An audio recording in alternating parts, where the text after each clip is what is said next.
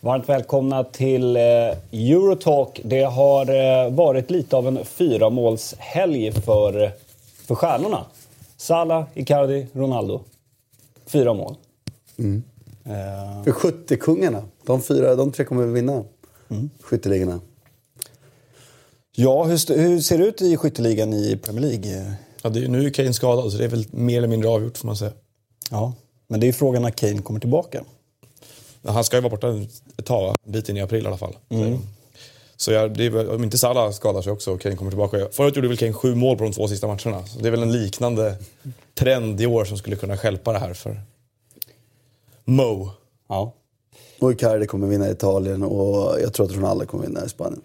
Mm. Härligt. Hur är läget med Christian? Jo då, det är bra. Det är mycket bra. Du såg lite brydd ut. Ja, jag, jag börjar se lite dåligt. Jag behöver, är du med? behöver ja. hålla på sådär. Mm. Men det är bra. Det är, det är så på ålderns höst. Man börjar se det lite sämre. Ytterligare ja. lite sämre, jag vill säga. jag med. Faktiskt. Ja, du välkommen. Jag måste gå till optiken igen tror jag. Kan man inte operera bort sådana Det finns ju de som mm. gör det. Man vill ju ha glasögon för guds skull. Ja, jo. Eller? Alltså, jag är ju mest rädd för att, att jag tror att operation... Oskuret är alltid bäst. Exakt. Mm. Bra. Men det finns ju de som har gjort det vet jag har väldigt bra kortsiktig ja. positiv effekt. Mm. Och ekonomiskt tror jag är fördelaktigt också. Är det så? Det beror på vad man lägger på glasögon och linser. Men om man köper på glasögon så är det en kostnad. Det är en sank kost. Den får du inte tillbaka. Nej. Jag känner mig som att vi är på Serie A nu eftersom jag inte har glasögon. Exakt. Jag kör ju linser. Ont i ryggen har jag också. Ja, det, är, lite, det är lite synd om dig. Ja. ja eller inte. Eller inte. Nej. Du är ju äldre än vad du ser ut att vara Björn, så folk inte tycker det är lite konstigt här. Nej, precis. Du är ju inte 22 som man tror. Nej, exakt. Du är väl lika gammal som Allegri. Du är ju numera outad som, som uh, att du är lik Allegri och, och uh, därmed även en viss skådespelare. Är jag det? Ja, du är lite Allegri-lik. Och så har vi Boardwalk, uh, Empire-mannen, vad han nu heter. Steve Buscemi. Ja. Exakt. Va? Även Macaulay Culkin har jag fått höra. Ja. Okay. Men det, ligger ju någonting i alla de här, även om det inte är smickrande. Vilken del av hans karriär? ja, det var innan han började med crack. Medan han bodde inomhus. ja. Så att, men, men. Ja. Ensam hemma är en av mina favoritfilmer. Den går lite i repris nu. Vår, vår eh, åttaåring hemma, han tycker att de är jätteroliga. Så de är jätteroliga. Ett ja, absolut. Men har man sett dem med, med sin äldre son och så kommer den yngre, alltså, och såg dem själv när man var liten så... Så jag ser dem inte gärna en tionde gång och tycker Nej. att behållningen är kvar. Men det är fattat. De går och rullar lite så hemma. Mm. Eh, från kultur då till lite vetenskap. Eh, Stephen Hawking gick ju bort i, i veckan. Eh, och eh, ja, eh, kan man ju, om man är intresserad av honom kan man läsa på eh, hans eh, teorier och allt möjligt. Men han uttryckte sig faktiskt även i, i fotboll. Och, Inför eh, VM 2014 så hade han lite eh, teser för sig, lite teorier om hur man, han skulle kunna hjälpa sitt England. Då. Eh, och eh, då hade han bland annat räknat ut då att 4-3-3 är bättre än 4-4-2. Röda tröjor hjälper eh, europeiska domare som är mer sympatiska till den engelska spelstilen. Straffar. Högt, då ska man slå dem högt till höger eller vänster och bredsidan med kraft. Ja, det sista är ju såklart att han har varit i, i samtal med Alan Shearer. det, kunde, det kan ju vem som helst se. Ja. Ja, det är inte så att man eh, trillar av stolen. Han har gjort eh, mer avancerade analyser. Och alltså, när han snackar där. universum så är han ju lite kanske han är vaffare, djupare. Där är han ju tung på svarta hål. Ju. Det, mm, ju, och, det kanske, och det kanske är jättekonkret, men inte så jättekonkret så att man, vi, vi vanliga dödliga begriper det. Men, men här är han ju ganska konkret får man ju säga. Mm. Och, ja, men det är skönt ändå med lite sådär enkla punkter ibland. Absolut. Och sen hade han eh, det här då, att ett lags prestation kan brytas ner i fem områden. Eh, miljö slash omgivning, eh, fysiskt, psykologiskt, politiskt och mm. taktiskt då såklart. Det, punkt nummer fyra där är ju, är ju skönt att han Den gillar Han förstår ju att han har fått rent fotbollspolitiskt ett guld 1966. Så han firar väl det i efterhand kanske. Ja. Och då reagerade förbundet... Då var han väl ändå 20, i 20-årsåldern någonting? Ja, jag såg. Det var ju då han skulle ha dött egentligen då. Precis, de sa ju det mm. till honom. Att han... Och allt det här då tog FA ombord och sa perfekt, vi ger jobbet till Sam Allardyce. Exakt. Mm. Apropå svarta hål. Ja, exakt. Eh, men nog om eh, Stephen Hawking. Vi, eh, vi ska väl ändå prata lite Champions League eh, som, som var i veckan, eller hur Noah? Ja, det ska vi. Det är på sin plats. Också svarta hål. Det kan man ju absolut säga. Ett rött svart Ja, hål. precis. Eh, Det kanske inte alltid är bra att ha röda tröjor då. Nej, tydligen inte. Eh, Men ska, ska vi, eh, ja, vi kan börja då med, med United som åkte ut mot Sevilla. Eh, Där Martin då tippade, var det i förra veckans Eurotalk eller Euro- Eurotalk innan dess? Där du tippade att Sevilla skulle ta sig vidare. Hur är det? Ja, I Ja. förra programmet så Ja, sa alltså, du det gjorde jag Sevilla. lite. Jag, jag tror faktiskt att, att när vi tippade alla åtta, att jag fick rätt i alla åtta. Det har nog aldrig hänt förut. Men det var ju lite också sådär, Sevilla har Det var ju bara tur. Absolut, men det är ju lite såhär, vad fan. Man, man, Sevilla har ju höjden för att slå ut United. Och nu, nu så, så eh, tyckte jag i första mötet att egentligen de för, försatt sin chans. För då, då dominerade de verkligen och borde ha vunnit och gjorde inte det. Och då trodde jag väl ändå att det skulle bli tuffare än det blev faktiskt.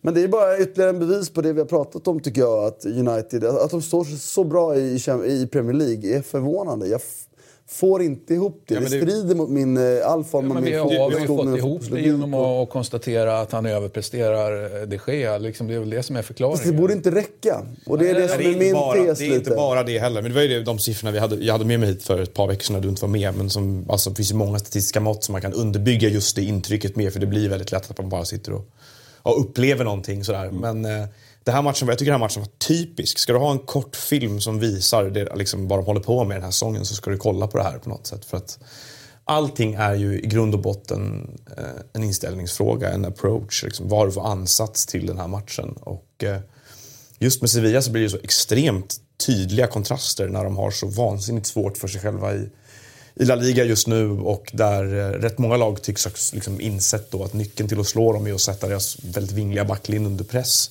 Men när Mourinho skjuter, lyckas sätta upp ett lag som skjuter fyra skott på mål över 180 minuter. Liksom, det, är ju, eh, det, det, var ju, det var ju att koka ner, det var som ett destillat av allt som är hans problem med det här laget och allt han har misslyckats med med Manchester United, för det får man ändå säga att han har gjort. Och, eh, vill du ha någon sorts, någon sorts slagkraftigt argument till varför de ska byta tränare till nästa år så fanns det ju rätt mycket att hämta ur den här matchen också. Tycker jag. Och jag tycker också det är kul att se, för, för eh, även om jag håller med att Sevilla sliter lite i La Liga så är jag fortfarande höjden där för att vara ett topplag i La Liga. Verkligen. De, de är ju verkligen briljanta vissa matcher.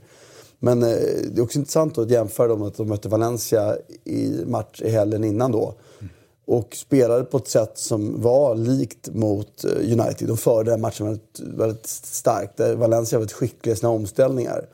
Och där är också tydligt för mig det vi har pratat om Mourinho. Jag tycker redan när han var som bäst att han saknade idéer i spelet. Han kan ju inte bygga ett spel.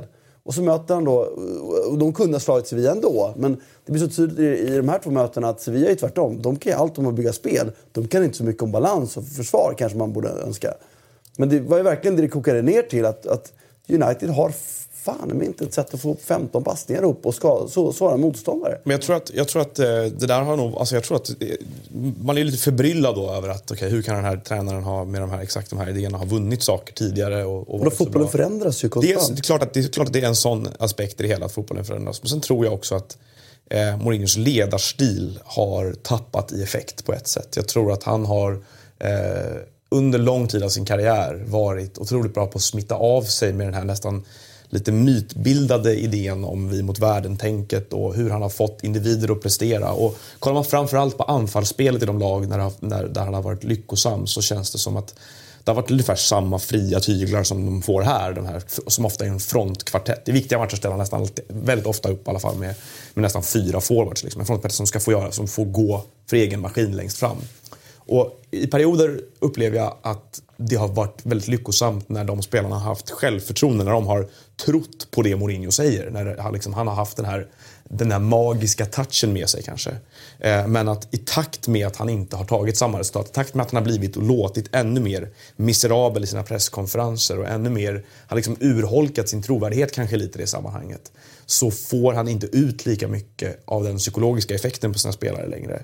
Och som det har varit i Manchester United nu i mer än ett år med Eh, olika konstellationer av frontkvartetter, olika spelare. Om det är Mkhitaryan in eller Alexis in eller om det är Lukaku eller om det är en annan forward eller om det är Zlatan eller vad det nu är.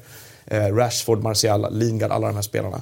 Så många olika sätt att koka ihop det här på och så lite effekt nästan oavsett vilka spelare som står på planen. Så tror jag att de här spelarna inte känner, liksom, jag tror inte att de är eh, de är inte för dåliga individuellt, det är inte det det handlar om. Och det är klart att det delvis är en taktisk del, men att, att skippa spelmönstren, att skippa det här triggersystemet för hur man spelar anfallsspel eh, och istället ge frihet. Det förutsätter också att spelarna har, kommer in i matcherna med stort självförtroende. Mm. Och den effekten har han nog varit väldigt bra på i perioder som Att få spelare att känna sig initiativrika och uppfinningsrika och kreativa och, och liksom med stor förmåga när de går ut planen. Jag tror inte att det, att det existerar längre på samma sätt. Jag tror inte han har den förmågan. Jag tror han har tappat den förmågan.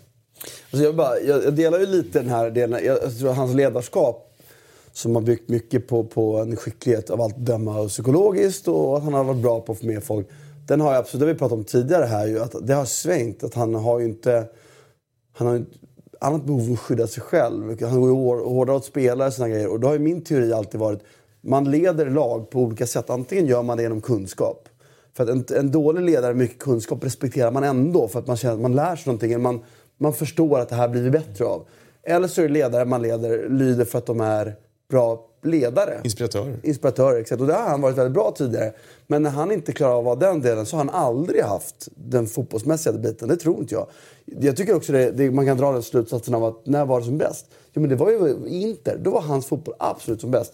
Och vad berodde det på? Jo men det var ju ett väldigt fotbollstaktiskt skickligt lag. Så där behövde han inte tillföra så mycket taktiska bitar. Där behövde han leda, sammanfoga. Och som Noah var inne på, det har alltid handlat om fyra spelare i omställningsspelet. Och förr räckte, och det var hela min tes när han kom tillbaka, varför han misslyckades i Real Madrid. Det räckte förr med att bara äh, ställa om och spela fotboll på det sättet och lita på individerna. Och det säger jag, det, det har varit i fem, sex års tid så har vi det har försvunnit. Du måste ha någonting mer. Du måste ha några idéer. En taktisk offensiv dimension. Och det, och det har han aldrig haft. Och det är därför det hela, det, det, precis, var det tre år sedan vi sa att nej, men, vi var rätt tydliga. Du med magkänsla, jag med, med det här. Just det här. Han har inte haft en spelidé och det gick för. Fotboll har sprungit ifrån honom. Hans kurva är vikande. Den är inte så här. Det är fortfarande en rätt bra tränare. Men han kommer aldrig med vinna de stora grejerna. Det har vi varit rätt tydliga med ju. Mm. Och det blir bara tydligare och tydligare. Och jag har sagt nu, jag tror ju liksom folk har fått ner skit för det för att han har förlängt. Jag, jag tror ändå fortfarande inte det. Han är inte kvar när augusti börjar. Jag tror inte det. För det här kommer bli en, en, det här är en spiral. Luke Shaw, och han börjar bråka nu. Mm. Eh, och han har stört sig Pogba. Och när alla de här grejerna dyker But... upp, när folk börjar bli irriterade. Men fan, om inte han är duktig, för det är ju inte fotbollstaktiskt. Han är inte som Guardiola. Honom tycker de är jobbig på annat sätt. Men mm. honom lyssnar man på för man lär sig någonting. Här lär vi oss ingenting och han är en jobbig person. Jag ser bara en väg framåt och det är att han kommer gå. Jag undrar också om inte det här kommer ske inifrån på något sätt. Och vi var inne på det för några veckor sedan när det gäller Pogba-situationen som kanske har varit den mest akuta här då med att där är det ett sånt tydligt vägval för ledningen i Manchester United vad de ska göra för någonting. Som du säger att det börjar liksom splittras på det där sättet med bråk hit och dit. Det har ju varit Mourinhos problem eller liksom, det har varit startskott för det här. Man har, det har väl varit liksom, indikationer på en sån katalysator ett par gånger under säsongen. Man tänker nu kan det spåra ur, nu kan det spåra ur. Och så har de vunnit och restaurerat saker och ting. Och nu vann han ju två toppmatcher här mot Liverpool och mot Chelsea på kort tid precis innan här. Då tänkte man att han kom upp på hästen igen på något sätt. Så den här förlusten slår undan benen på det sättet för mig. Eh, på, ett, mm. på ett sätt som kan bli ganska mm. illavarslande. Och, och jag tror faktiskt att alltså, de Gea har varit väldigt bra. De har, varit, eh, de har haft, Lukaku har varit faktiskt väldigt bra om man ser till eh, liksom, vad, vad den sortens chanser han har satt sig i.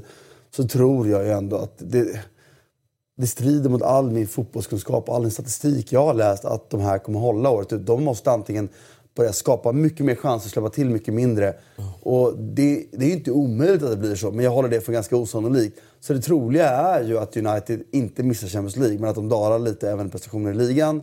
Och jag håller med, eller jag blir lite förvånad att de studsade tillbaka som de har gjort. Men det borde bli så. Och det är inte ett spelarproblem, för det har varit så många olika spelare. Och Klart bara, är ett spelarproblem. Det är, och det, det, är ju, det är ju svaret för en tränare som, som... Jag säger inte att det aldrig är spelarproblem, det är klart att det är det också ibland. Men när, det bara, när svaret alltid är att man ska byta spelare, då är det ett strukturproblem som ytterligare bevisar den tes vi har fört liksom, över lång tid. Och med det sagt, återigen, de är två i Premier League. Det är imponerande. Att förlora mot Sevilla är för en Premier League-vurmare en skam. Men för oss som ser fotboll, Sevilla har en höjd och det funkar i ett kuppspel. rammar de formen, då kan de fan slå alla lag som är kvar. Jag tror inte att de gör det så ofta, men det kan gå. Så det är ingen skam med det, den bemärkelsen. Men jag menar, det är, det är klart, och inte att ta någonting från Sevillas insatser i den här matchen, det är inte det det handlar om. Men, men hade någon optimerat det här spelarmaterialet så ska det ju såklart slå Sevilla. Det är ja, självklart. Liksom. Absolut. Eh, med, med allt det här sagt så, eh, jag tycker också att en tränare kan ju på ett sätt liksom bygga och rasera sitt, sitt förtroendekapital på olika sätt. Och om Mourinho då har byggt förtroendekapital genom just att ligga tvåa i Premier League, vilket ju är det enda försvarsargumentet egentligen, att resultaten är faktiskt inte så dåliga och de vann ett antal cuptitlar förra säsongen.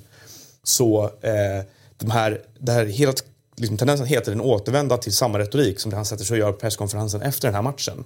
Istället för att någonsin fronta och prata om de spelmässiga uppenbara bristerna i det de håller på med och adressera dem och säga det alla ser så sätter han sig och börjar prata om arv och att de alltid åker ur och att han har varit där och slagit ut Hur tolkar du det?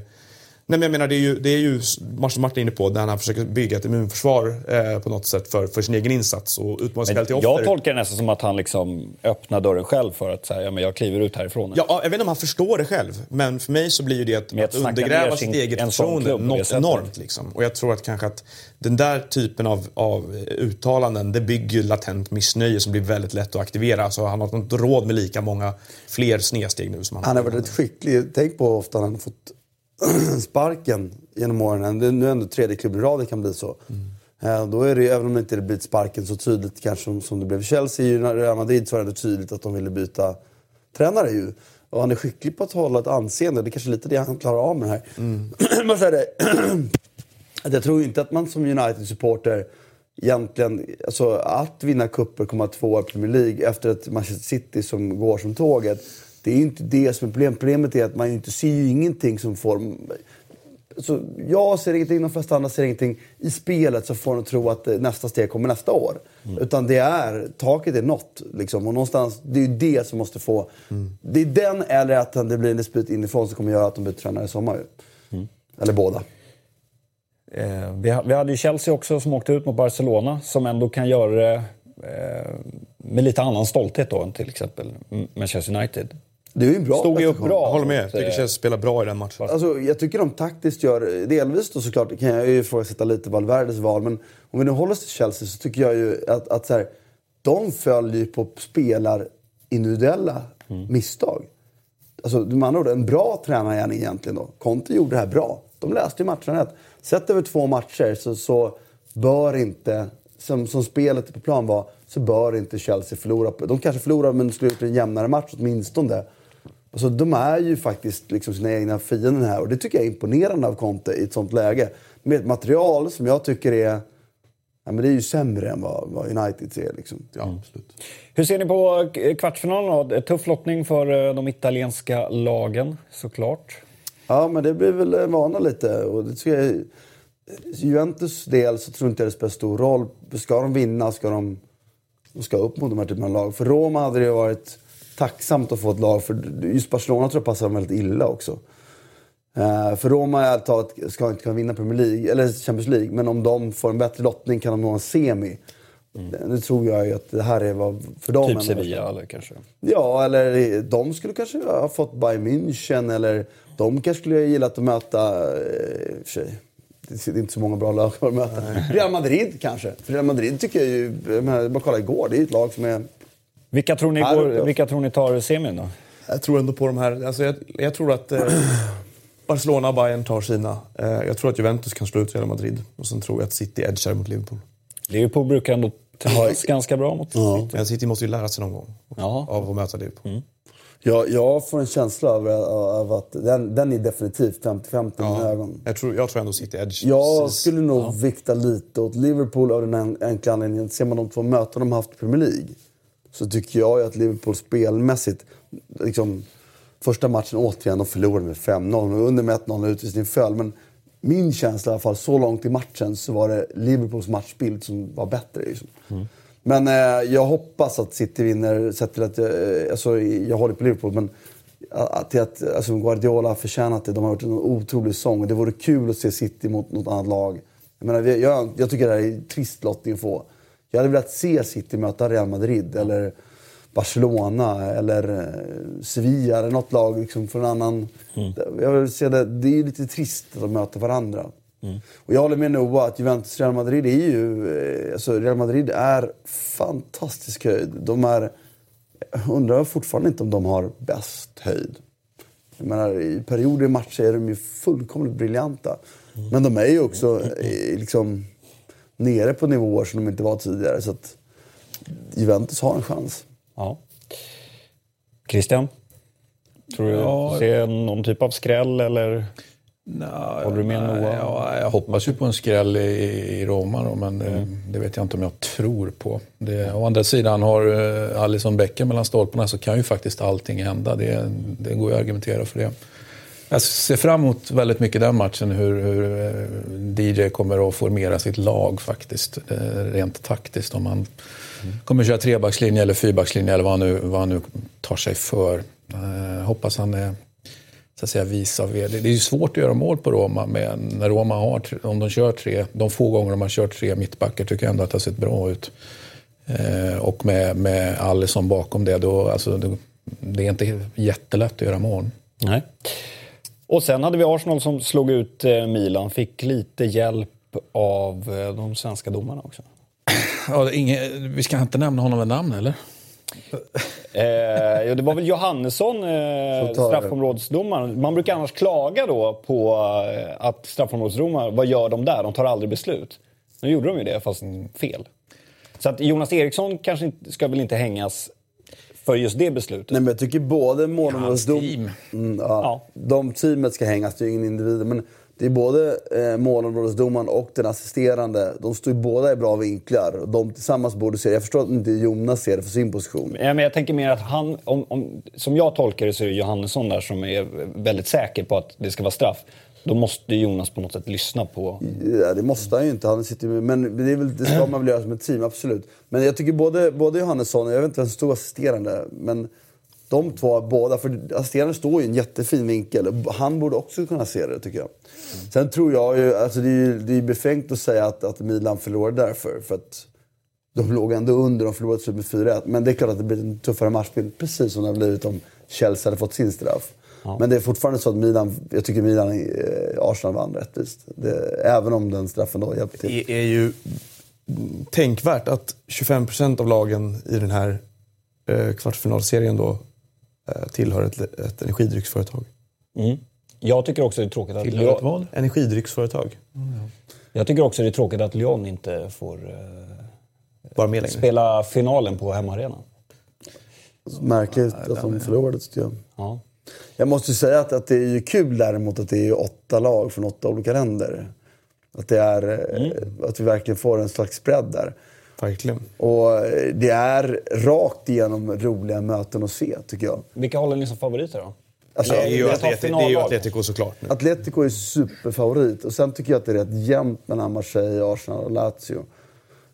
Med Framförallt så blir det väl nu efter att Atletico drällde sina poäng nu i, i, i ligan. I helgen så känns det som att mm. ja, men då blir det här Nej, de kommer ju inte offra det för ligan, här, precis. Och li ligan är ju kört. Men det är ju en, härlig, det är en härlig död spionkrydda i Arsenal CSKA Moskva. Den kan jag ju ja, se fram emot. Ja, just det. död spionkrydda. ja, just det. Det lär ju inte gå... Med, alltså, engelsk media, det, det lär ju liksom inte... Diplomaterna passera. är ju out. Ja, 23 hit, 23 dit. Ja. Mm. Och så det, det 23 en, spelare i dit. Ja. Mm. Nej, det, det var ju någon, de, de möttes ju det vill säga Hawking, politik. Är du med? Där har vi det där. Det Röda tröjor. Det, kommer att, det kommer att spela roll eh, mm. på något sätt. Och, det var, eh, var en av de huvudmisstänkta i det här. Det var ett spionmord för ett antal år sedan i London också. Mm. När någon förgiftades. Mm. Eh, då, var det, då, finns, då finns det ju alltså, och då mötte Arsenal CSKA också. Och den person, en av personerna som var inblandad i det här då, som sen polisen Eh, utredde var på matchen. Alltså var på Emirates mm. samma kväll som det hade hänt i den mm. matchen. Och sånt där. Det finns jättemånga dimensioner. Hur var det där förresten? På byta, alltså går Har inte Sverige ämnet. dragits in i det där också? Nej men exakt, det var ju, presenterades väl något rykte från ryskt håll att, att, att, att själva giftet, alltså ursprunget är ryskt, det, eller Sovjetunionskt, är det inget tvivel om. Men att det hade varit någon svensk anknytning till eh, eller? Sverige var en, en, en, en trolig nation som skulle kunna, en av troliga mm. nationer som skulle mm. kunna då ha ställt till det här Det, ja. Taskigt alltså, att alltså, Sverige det där. Man får gå tillbaka till det. Egentligen är det ju... Alltså, Arsenal ska slå CSKA Moskva för de är, är ju inte... Vad ligger de i ligan? Fyra, femma? CSKA? Ja. Mm. Jag vet inte. Det ska de, även om de slog ut eh, Lyon så ska de ju, ska de ju faktiskt Arsenal vinna det där. Och Atletico får Sporting, det ska de också vinna. Och då är det ju lite jämnare med övriga två, men... Lazio ska ju slå Salzburg. Ja, men Salzburg, jag såg matchen här, eller delar av den, de var fan inte dåliga alltså. De var... CSKA Moskva ligger trea. Mm. Då har de klättrat där lite. Men, mm. Går det för, går det för Krasnodar? Lokomotiv leder väl, eller? Är det inte det? Ja, precis. Och de det är Moskva 1, 2, 3 där. Lokomotiv fick ju stryk av Atletico med 8-1 totalt sett. Så det, det känns som att det är ett glapp. Krasnodar är fyra. Och Massimo Carrera på tränarbänken. Lokomotiv, ja. Mm. Eh, CSKA väl? Eller blandar jag ihop dem nu? Det är CSKA han kör. Ja, det låter ja. vara en parentes. Något ja. Moskva-lag. Ja, nej, det, jag, jag tycker att... Jag, jag, är det väl som har. Jag tycker i alla fall att det här är eh, faktiskt riktigt roliga matcher. Ja. Jag ser verkligen fram emot att se, liksom hålla ett öga. Och jag har ju haft lite strul med den tjänsten, men vad som funkade bra mm. sist var ju den här highlights-feeden. Mm. För jag fick ju inte... Matchen Arsenal-Milan fanns ju inte på tjänsten. Två playkanaler. Eller playtjänster. Ja. Ja, exakt. Och stökigt. Ja, och, men eh, det innebar att jag började kolla på den highlights-feeden. Och det tyckte jag, i, när det är såna här möten, när jag inte måste mm. se något speciellt. Då bara man har en av de skärmarna man har uppe på, på highlights-feeden. Mm. Ett tips bara. Ja. Eh, Nåväl, status Ronaldo ska vi till eh, nu. Eh, och eh, om jag förstår det rätt så är det då... Ja, sure. Så är det den andra anfallaren som ska in. Och det är... Även något annat. Nej, men vi, vi pratar ju om Ronaldo och Romario. Och jag lutar nog lite åt Romario ändå. mm. Eftersom eh, Romario vann allt på 90-talet. Ronaldo vann ju... Alltså höjden Ronaldo hade var väl ändå bättre än Romarios höjd även på 90-talet. Eller det var ju då Ronaldo hade sin höjd. Så var ju ändå Romario... Men jag spelar högt här nu, eller pratar högt nu, bara tänker högt. Han vann Champions League väl? Gjorde han ju, eller? Gjorde... Mästarcupen, han vann VM, blev bästa spelare i VM, han vann skytteligan i VM. Mm. Romario. Romario. Mm. Och var ju under väldigt många år den bästa spelaren i världen. Ronaldo var ju skadad, var ju bäst två år väl? När Romario faller, av, faller bort från de diskussionerna i samband med VM 98 ungefär, eller hur? För han missar VM 98 på grund av Han är ganska gammal då. Varför missar han VM 98? Han är gammal, han är 36. Han är fortfarande aktuell för att spela VM 98. Ja, men det var ju, han älskade Brasilien. Pratar Brasilien så är Romario... Mm. Han är ju typ efter Pelé, eller var då i alla fall, vill jag minnas de pratade om. Men eh, han är, för mig går han för Ronaldo just därför. Men eftersom programmet eftersom hela grejen heter Status Ronaldo så blir det Cher. Mm. Nej, jag kan väl tycka också att han faktiskt eh, prenumererar ju på ligatitlar på ett, på ett fint sätt också. Hans lag, eh, alltså Ronaldo gör ju inte riktigt det. Kanske Ronaldo tar andra klubbar. Sen finns det ju likheter också. De kommer till Europa och kör PSV Eindhoven. De är scoutade av samma, samma sportchefer och med, med samma... Liksom, så de har ju väldigt mycket gemensamt, fast det är väldigt olika som spelare. Men Ronaldo vann faktiskt ingenting. Han kom till Barcelona och var en enastående, men de blev väl typ trea under... Men det, det jag menar är att han höll på... Det, det var liksom, mm. Jag kan tycka att Romario anpassade sig till de klubbarna på ett bättre sätt än att Ronaldo behövde ändå laget spela lite på ett annat sätt. Lite för mycket för Ronaldo. För Romario behövde man aldrig spela. Det kanske du i och för sig behövde göra för han kanske, han kanske tog det lite väl lugnt ibland.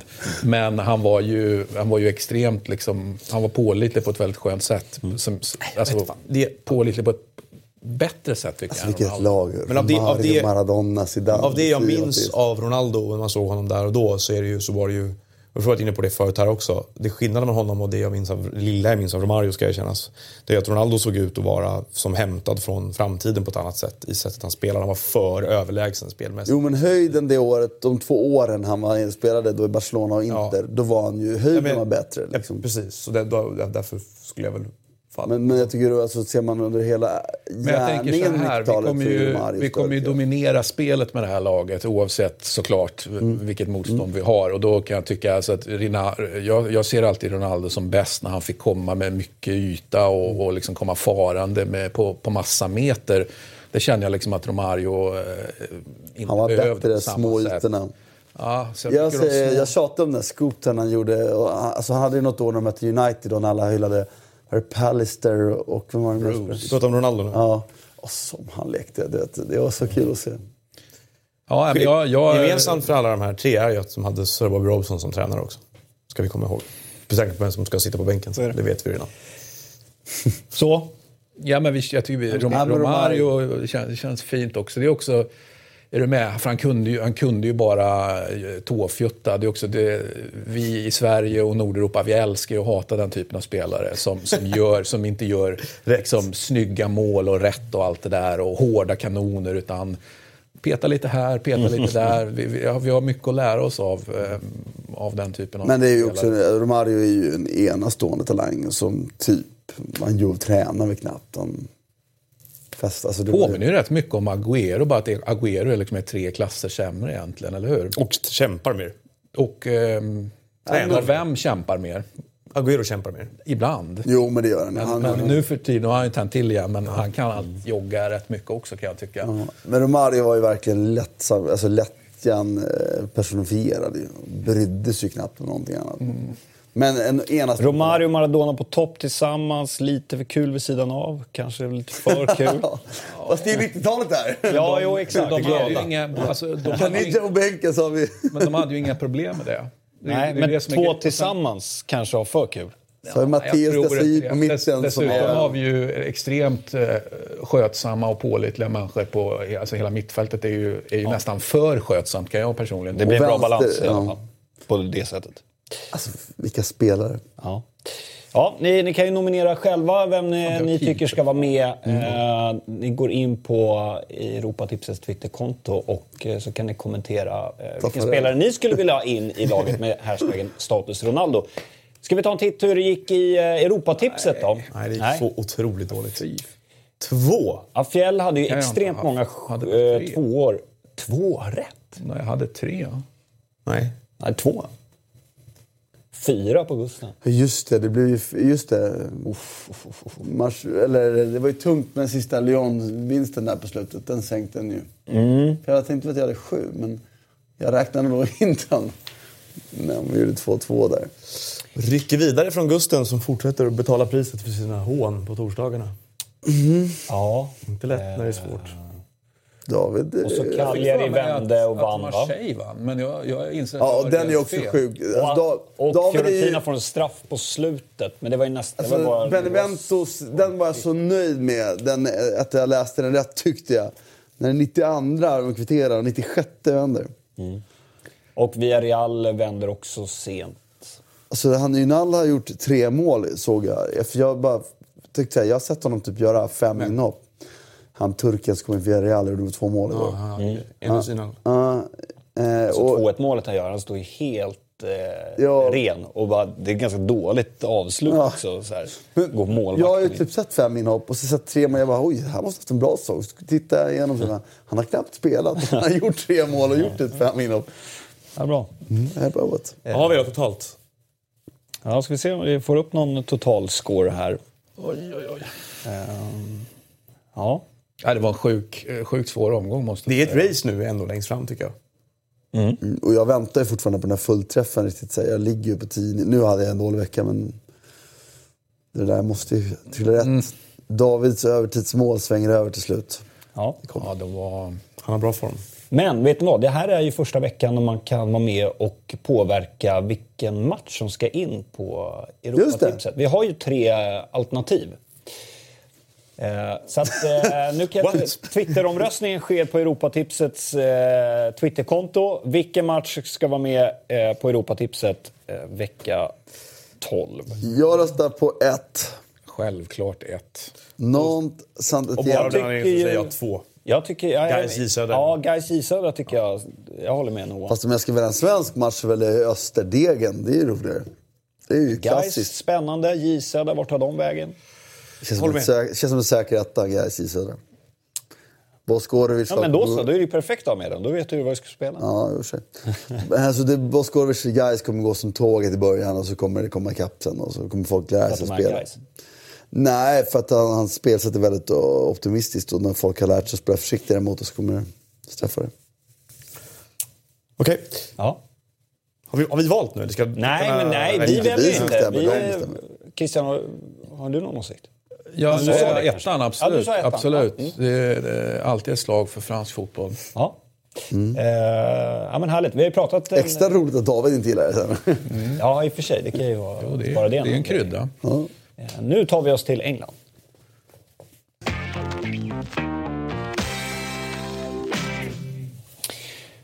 Och vi var inne på det lite tidigare. Harry Kane skadad. Eh, eh, det senaste jag läste är att han ska vara, som Noah sa, tillbaka i april. Vi får se hur länge han blir borta. Vad kommer det här betyda för Spurs? De har ju börjat väldigt bra utan honom, får man ju säga. Väl, han gick väl av när de så... låg under mot Bournemouth och så gjorde de fyra mål där och sen så körde de över Swansea i FA-cupen. Mm. Men det är klart att de blir sämre utan honom. Det är... Det kommer ju lägligt med landslagsuppehåll. Ja, det, som, det som blir intressant... Jag tror Spurs, jag tror Spurs kirrar topp fyra i alla fall här. Det är nog inte det som är... Det är nog en fråga om de slutar tvåa, tre eller fyra bara. Eh, det som blir intressant är ju hur Jamie Vardy framförallt kan förändra sina aktier i frågan om vem som ska spela för England i sommar. För att där är ju, ja. känns ju Kane helt given utanför. Men har sett några stycken nu som för argumentet att Vardy passar bättre i, i, som England spelar där och då. Att, att det funkar bättre med honom. Och han har ju faktiskt gjort en ganska bra säsong, även om Leicester har varit väldigt ojämna mm. i bakgrunden. Och ur ett svenskt perspektiv är det ju lite läskigt hur bra Son är. Ja, och framförallt att han fortsätter att hålla så hög nivå hela tiden. Är, han är ju bättre än allt vi har just nu, får man ju säga. Mm. Tyvärr. Och inte, även, inte än eh, allt. Var, allt var en för sig menar du? Ja, mm. individuellt sett spelare mot spelare. Ja, nej, men han är bra. Det är väl bra att han är bra nu kanske istället. Ja, mm. Toppa formen. Det är ska Och även danskjäveln där på bilden är också ganska bra. Han är också rätt bra ja. Eh. Dan Danmark är väl lite sweet spot för det i VM. Mm. Ja, de kommer nog vara bra. De har ett bra lag. Jag hoppas det. Menar, om, om vi inte går vidare så är det kul om Danmark går bra, kan jag känna. Men hörni, vi måste, prata, vi måste prata lite Salah, tycker jag. Ja. Eh, fyra mål och en assist. Hur högt rankar ni honom? Och då pratar jag inte bara Premier League. Alltså jag tycker fortfarande att, att han eh, inte kanske är bäst i Premier League ännu. Det säger jag bara rakt. Men vad på, sagt... vad är, alltså på bäst på vad? Jag, tycker, jag håller ju... Som jag spelare, en spelare skulle jag kanske välja De Bruyne istället. Men, mm. Eh, mm. Eh, som liksom... Vad du får ut av honom. Eh, och jag menar, den typen av spelare som producerar mål på det här sättet, de är ju unika. Alltså, de finns ju inte så många. Det är inte många spelare som någonsin har en sån här säsong. Liksom. Och framförallt att han handplockades på ett sätt till Liverpool tycker jag, som i efterhand, du var inne på det väldigt tidigt, att det skulle funka väldigt också. bra. Ja, i sammanhanget. Jag ja. menar, en spelare som, oavsett vilket system spelaren landar in i, eh, så betalar ju lag ofantligt mycket mer för spelaren så här för att få eh, hälften av det här de har fått här. Liksom. Mm. Så att, eh, det, är, det är ju säsongens värvning alla kategorier i ligan tycker jag. Och det jag har tjatat om, både här och i Viasat-studierna, är ju att jag tror alltså, Folk förstår inte hur oskolad han var när han kom till Europa. Och därför menar jag på att det, och därför den utvecklingen under säsongen förvånar mig inte. För det, och jag tror fortfarande det finns mer att hämta. Normalt sett när en spelare når 22, 23, 24, 25 eller vad det är när man har vuxit klart. Oftast 20 22, 23. När man har vuxit klart, då har liksom ingenting mer att hämta fysiskt längre. Så all förbättring måste vara organisk, man måste prata företagsspråk. Men alltså, du måste själv tvinga fram den. Mm. Eh, men han ju, kommer hit till Europa och, och, spelade fotboll som att han spelade på, på någon bakgård. Helt oskolad taktiskt. Otroligt oskolad. Och ja, då trodde jag att han skulle nå de här höjderna. Men såg man att han började nå de här höjderna och, och jag såg utvecklingen när det var under Roma. Då kände man att det finns fortfarande mer att hämta bara av en, en, en, liksom, en, ut, en eftersatt taktisk... Han är, det finns en underskott av taktisk skolning som det finns mer att hämta. Och det, det, nu börjar vi närma oss kanske när det liksom får någon slags tak. Men, eller tak, men jag menar, mm. det har bara varit så här exponentiell utveckling på honom. Och det, det har haft, att göra med, och därför tjata om så att, att han är så oskolad. Så bara för att han är så oskolad, varje gång han lär sig, kolla balansen, kolla hur bra han är med tekniskt med grejer. Fattar ni när han blir ännu bättre på att tajma, ännu bättre på att göra de här grejerna. ännu bättre beslut. Och där bör vi nå nu och då är han så här bra. Och det passar också perfekt i Liverpool att spela. En sak som ändå är fascinerande Eh, om man går till Romanister då som ju, eh, de sålde honom för att de behövde få in deg för att de låg efter i Financial Fair Play och allt det här. Eh, jag känner många romanister. Jag känner inte en enda romanista som, eh, liksom, som är ledsen över att Salah lämnade. Det tycker jag är ett intressant perspektiv faktiskt. Och det är de inte bara för att de känner att de har gått på en blåsning. Utan, utan eh, jag känner ingen romanista som, som, eh, som sitter och gråter eh, för att Salah har lämnat. Det men det, jag. Men det är, jag tycker det är inte så konstigt för det är ju också så att jag menar, spelare passar ju precis som tränare gör bra i olika sammanhang. Det är ju inte så att han är universellt bra. Sätt honom i ett annat lag än Klopps Liverpool, han skulle inte göra lika många mål. Han skulle inte vara lika värdefull. Han är ju värdefull för Liverpool. Så att, mm. att Liverpool kunde betala så mycket pengar för honom är ju... Är ju så mycket. Eller så, det att, de, att det var värt för dem, att det är en bra deal för dem. Han hade, hade hade, hade Mourinho köpt honom för de här pengarna hade det inte varit en lika bra affär till exempel. Så att, eh, ja, och då kan man ju också tycka att han, han hade ett värde för ett lag som spelade fotbollen som Klopp spelar. Han hade ett annat värde för Roma och vad jag har förstått så var det många som var frustrerade av honom där ganska många gånger. Att han, Jo, det var ju just missade en hel del. som man Absolut, tyckte att men han, man så, jag är lite förvånad för jag tyckte ändå att han... Alltså, jag var ju glad att han flyttade från Roma till Liverpool för att jag, tycker, jag håller på Liverpool och jag hellre ha honom där. Och sen kan vi också säga att, att han har ett ännu större värde ett klopplag än man har i det sätt som Spalletti spelar med dem. Men jag tycker fortfarande, det, det för mig är det obegripligt av två anledningar. Det ena är att de har fått för lite betalt. Ja, det, är det, det känner man redan från början. Ja, ja. Eh, och det andra är att de, då har de inte förstått att uppskatta hur bra han var. Vilket också då är en annan sak. För jag, det är klart att han är inte universell, men däremot jag skulle ha haft honom i Barcelona också. Han har varit grym där. För han behöver ju inte, som många andra spelare, ha 30 meter bakut och löpa in bakom. Han kan ju ha fem. Han har varit grym i Napoli också. Mm. Fattar man spelat mot alltså Cajejons löpytor med Insignes passningsfot. Hur bra har han inte varit där? Så att jag, jag, är lite ledsen när jag hör att romanister inte är mer ledsna över det. För att de borde vara... Alla är ledsna. Nej, de borde vara ledsna för två anledningar. Det är något, en i alla fall, att det är att de fått för lite betalt. Och det, det, det, det måste svida så in i helvete. Ja, det kan svida. Men nu... nu... Men sen, sen tycker jag ju också... Så här, han är, jag tror många i Roma tycker det är roligare att se Perotti och Cengiz Ynder som spelartyper. Men eh, de borde ändå förstått att uppskatta hur bra han var där tycker jag.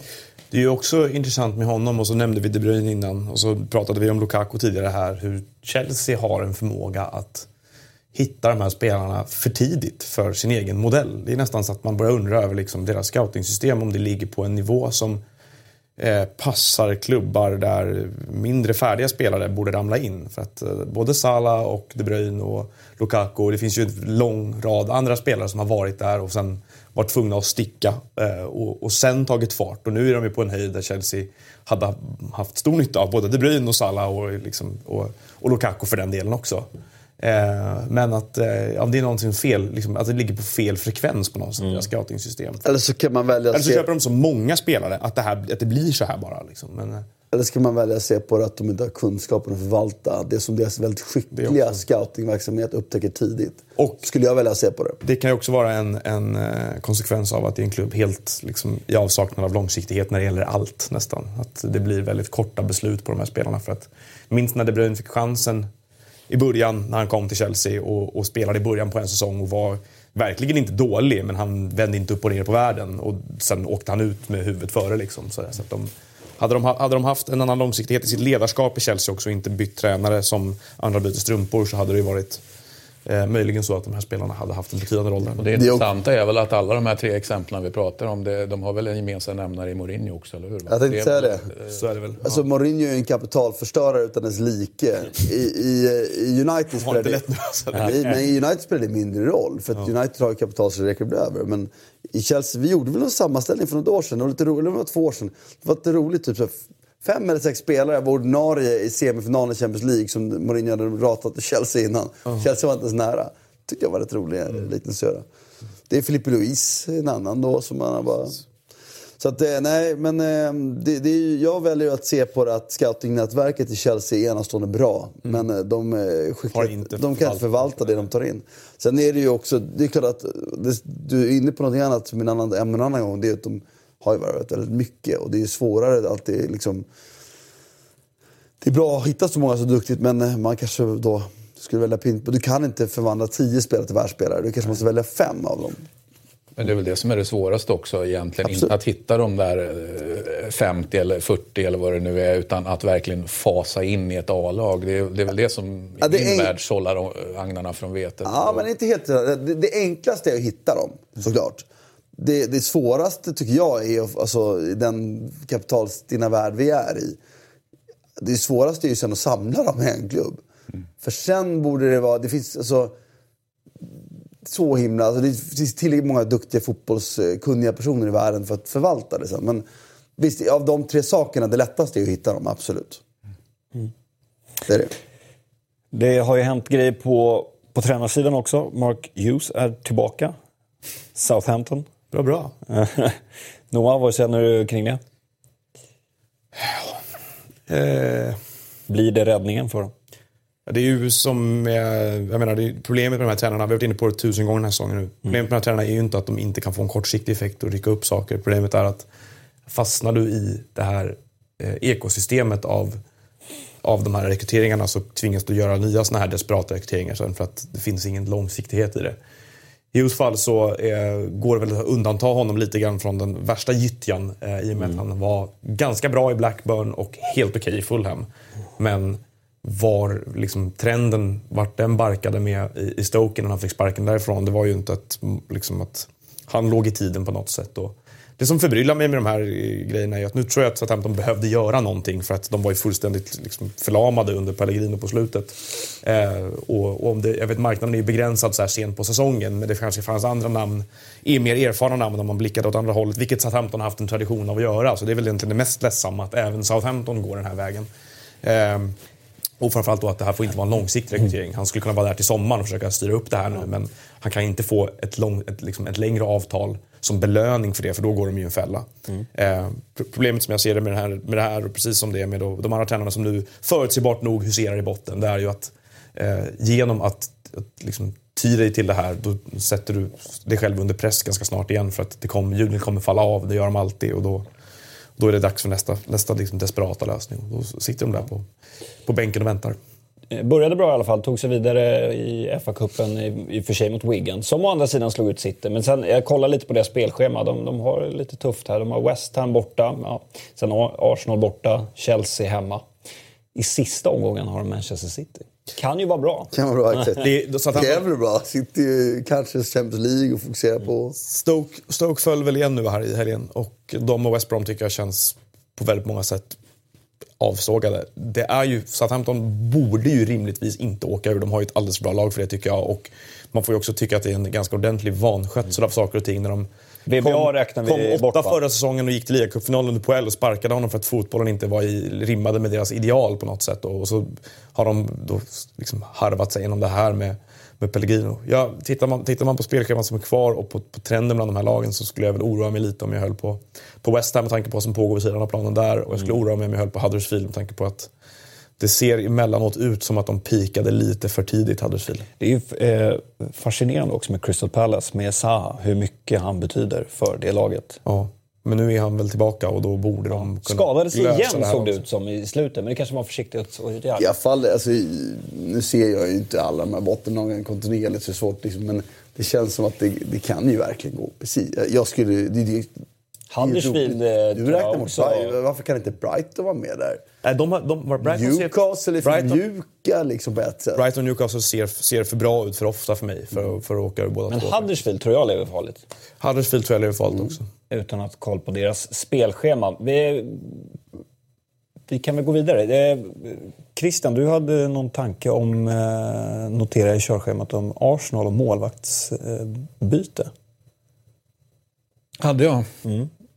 Tydligen. Vi går vidare helt enkelt. ja, jag, jag, jag, jag ska vi bomma den? Jag är inte med på den på rak arm faktiskt. Men det är väl kanske alla eh, överens om? Ja, men det var lite statistik som snurrade omkring där. Jag bara ja. noterar att den då, det var väl snarare det att den touchade det vi hade pratat om. Med det eh, och att det var en, någon slags väldigt detaljerad, var så detaljerad att jag inte ens har brutit ner den än. Men vi har ju en, en statistiknedbrytare här som heter Martin Åslund. Så han, mm. han det här är ju egentligen samma sak som vi kollade på för några veckor Saves per goals är ju Kari som sticker ut där.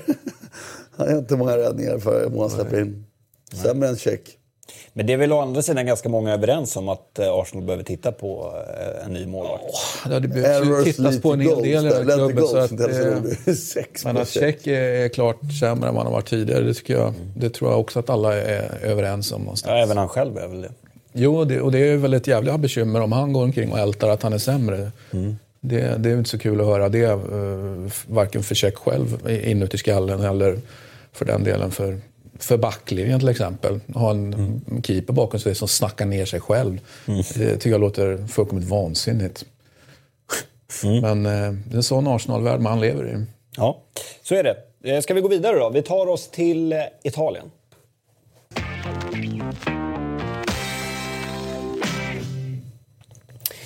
Där vi noterar också att Fiorentina kommer byta namn på sin träningsanläggning för att hylla Astori. Ja, du, nu är vi ju i kölvattnet på, på eh, Astoris tragiska bortgång. Så att de här, alla de här grejerna kommer ju på löpande band här nu. Det, var, det är fint såklart och självklart att, att det händer. Och om det någon gång står en färdig stadion där, ny stadion i, i Florens så kan man ju fundera på vad den kommer att heta. Precis. Och det blev en seger igen. Nu fick de ju mm. straff i det absolut sista som hände tror jag. Ja eh, var jag glad över när jag spelade topptipset, om inte annat. Jaha. Eh, jag hade en helgardering på den matchen. Så... Det var ju en svår, extremt svår match. Alltså, nu mm. finns det ju en Gemelaggio mellan klubbarna så att man kan säga under normala omständigheter eh, så, så, skulle då Fiorentina efter Astoris bortgång, vilket ju inte är en normal omständighet, men ändå eh, mer eller mindre kunna, kunna få den. Men nu kunde de inte få den eftersom Torino hade tre raka förluster. Och, och, då, det menar jag, därför var det ju en vidöppen match i min värld. Ett, kryss, två liksom. Mm. Eh, Vad jag hade? Ja, mm. ja men smart säger jag, ett kryss, två. Den var svårläst. Eh, men eh, nu är det fyra raka förluster för Torino och eh, det börjar... Nu, nu var det contestationen senast eh, Eh, alltså på den här matchen. Att eh, nu är man extremt besvikna igen. Det, det har varit några år nu när man inte varit det på, på Kairo, då, eh, ägaren. Eh, men nu får, han, nu får han känna igen. Så nu känner jag liksom att de dras de, drar, de är på väg att dras ner där igen, där, där, där han måste vinna över det gjorde han ju väldigt skickligt under väldigt många år med Petracchi och Ventura och, och liksom på den nivån. Och de tog Europa League och, och, spelade den fantastiska matchen mot Bilbao som de ju ändå inte vann i slutändan. Men eh, nu är det dags för en ny era och den eran är, är krånglig. Då ska det väl kanske vara så efter x antal år med, med Ventura och det var stabilt och förutsägbart. Sen med Hajlovic. Och... och sen kom Mihailovic och bara stö, stök, Mihailovic stökade. ryktades ju till Southampton by the way. Men det hade ju inte varit vad Men vi kan ju säga så här, om, om, om, eh, om Mats Sarri nu skulle fortsätta att förlora, alltså det finns ju alltid en gräns. Hur många, hur många raka förluster kan du ta? Det är bara att säga, det går ju att argumentera för att du inte ens kan ta fyra, du kan få gå av den anledningen. Pardy brukar klara nio. Ja, men okej då. Det, det, går ju alltid en gräns någonstans. Man ska ju inte utesluta faktiskt att, att Mats Sarri, alltså vi kan ju få se en återkomst av Sinisa här om, om det fortsätter så här. Just det, en gammal klassiker. Ja, Står på lönelistan, ta in igen. Du har, du har Cagliari borta nästa match. Mm. Liksom, okej, okay, säg att det är fem raka förluster då. Då, alltså Mats Sarri ska vara, med all respekt för Mats Sarri, eh, han, ska vara, han ska vara orolig i, den här, i det här läget. Och sen ska han vara säker på vart han är på väg såklart. Men, men eh, vi pratade ja, om det att det var... Ön, det ja, men vi pratade om det att, att, att det fanns... Ett, vi visste ju under väldigt lång tid under Mats Sarris karriär exakt vad han levererade. Sen så kommer han från två, så att säga, jag ska inte säga misslyckande, men han, han upp i Inter hamnar på en nivå som han liksom kanske inte riktigt var, liksom var mogen, även om han gjorde det efter omständigheterna kanske bra. Watford, var det, var det bra eller var det dåligt? Det går att argumentera för både och. Det började bra, slutade sämre. Eh, så att han det kan ju, vi pratade ju tidigare om att tränare helt plötsligt kanske inte kan motivera på samma sätt eller, eller göra någon enskild sak på, på, på, det sätt de har gjort tidigare. Det är möjligt att Mats Sarri inte längre har det. Det pratar vi om när han kommer. Det, det, det får han ju visa att han har nu. Mm. Och vi noterar att eh, Juventus bara fick 0-0 mot Spal och Napoli vann mot Genoa, vilket gör att det, det, det lever. lever. Och det är roligt, och utöver att um, mina sympatier så är det ju Men kul går man, att det man går på målskillnad va? Inbördesmöten. Är det inbördesmöten? Så Napoli måste vinna mot Juventus. Är det nu i helgen? 22 april. 22 april. april. Jaha, det är långt kvar. Eh, Okej, okay, så då kan man ju eh, då konstatera att eh, just nu skiljer eh, tre poäng. Ja, men den, jag kan säga just eh, att Juventus skulle få det väldigt krångligt borta mot, mot Spal, den tyckte jag var ganska... Jag tyckte det var synd att vi inte hade med den på Europatipset. Tog mig friheten att och, och spela det istället på, på annat håll. Eh, jag tyckte mm. den var ganska lätt att se att det, det var läge för en liten backlash. Kanske inte en Spal-seger, men åtminstone att Spal inte skulle förlora den matchen. Och det tyckte jag det sitter jag här och är rätt nöjd med och, och analyserar. Får vi upp tabellen igen? Därför att det är också kul att se att, äh, att det blir väldigt spännande där nere nu. Mm. Faktiskt. Ja. Benevento är ju borta. Och då hade de varit, även om de inte hade vunnit mot Cagliari. Men sen är det ju inte Premier League jämt. Men det är ändå... Ja, men från Cagliari och neråt kan man ju säga. Genoa är ju för bra, det såg vi ju på. Det var också ganska självklart mm. att de inte skulle räcka till mot, mot Napoli. Men mm. Genoa, bra match, vilket fint fotbollslag det där är. Och så som Ballardini hanterar det. Jag tycker, jag tycker det är så propp, proppfullt av, av fina fotbollsspelare. Ja, och det roliga är att det går ganska bra för Oskar Hiljemark. Man kan inte förstå att samma spelare blir bortskickad till Panathinaikos när han kommer tillbaka faktiskt nu så som det är nu i Sverige, då är han typ given att starta EM. Då. Vilka ja, har men Det är ju Sebastian Larsson och uh, Gustav Svensson. Ja, och då men där har du väl skillnader mellan... Lär ju vara de som startar. Alltså. Mm. Men där har vi ju skillnaden såklart mellan tränare De Serbi och tränare Ballardini. Det vill säga en, en klart bättre tränare bevisligen än den andra tränaren. Eh... Och det passar Oskar bra, absolut. Ja. Han var ju med i truppen nu, Hiljemark. Han spelar, startar. Ja, men han, kommer spela, han ska spela på landskamperna ja, också mot Chile och Rumänien. Så då har han väl möjlighet att slå ett slag för Jag eh, har kopplat bort VM. De här matcherna nu, de är så otroligt betydelselösa. Nu är det test av, nu är det ventilering av spelare nu vill man veta vem som ska ha plats 17 till 22. De ska spikas. Det är viktiga grejer. Mm. Måndag är det Krajova. Rumänien borta. Mm. Men några som luften har gått helt ur, det har vi pratat om tidigare också. Jag har pratat om att de har en lurig säsong framför sig. är ju Kievo som, som gick in i den här säsongen på, på helt, eh, inte kanske helt fel sätt, men på eh, för stora delar fel sätt. Med en tränare som eh, man, man kände liksom att han hellre skulle vilja vara någon annanstans. Mm. Men de kommer ju överleva ändå. Än, än, än, än den här Inglese-situationen som, som Napoli köpte, fast han får spela kvar. Det, och liksom, det är inte så att Inglese, han har ju inte gjort någon katastrofsäsong på något sätt, men det känns som att det var, har inte varit bra varken för Inglese eller för, för Kiev. Och, alltså, fel, fel, fel.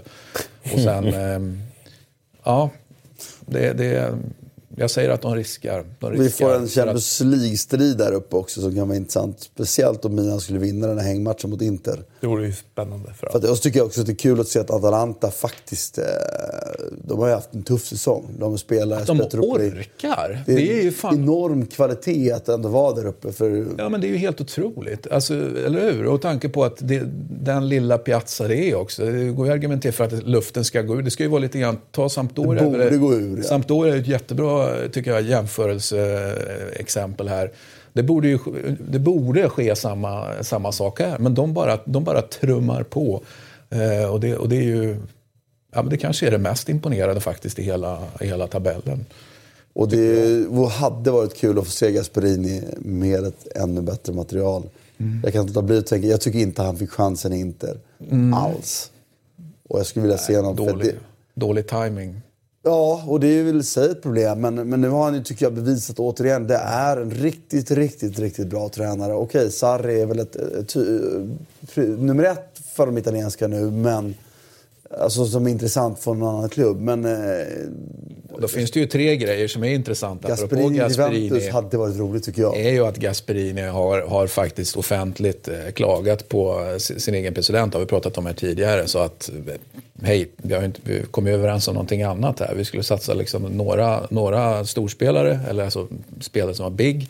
Och sen skulle det vara bara egna ungdomsverksamheten. Och eh, så är det ju inte nu. Så han gick ut offentligt liksom och klagade, vilket ju, det är helt på ett sätt obegripligt att han gör om han vill vara kvar.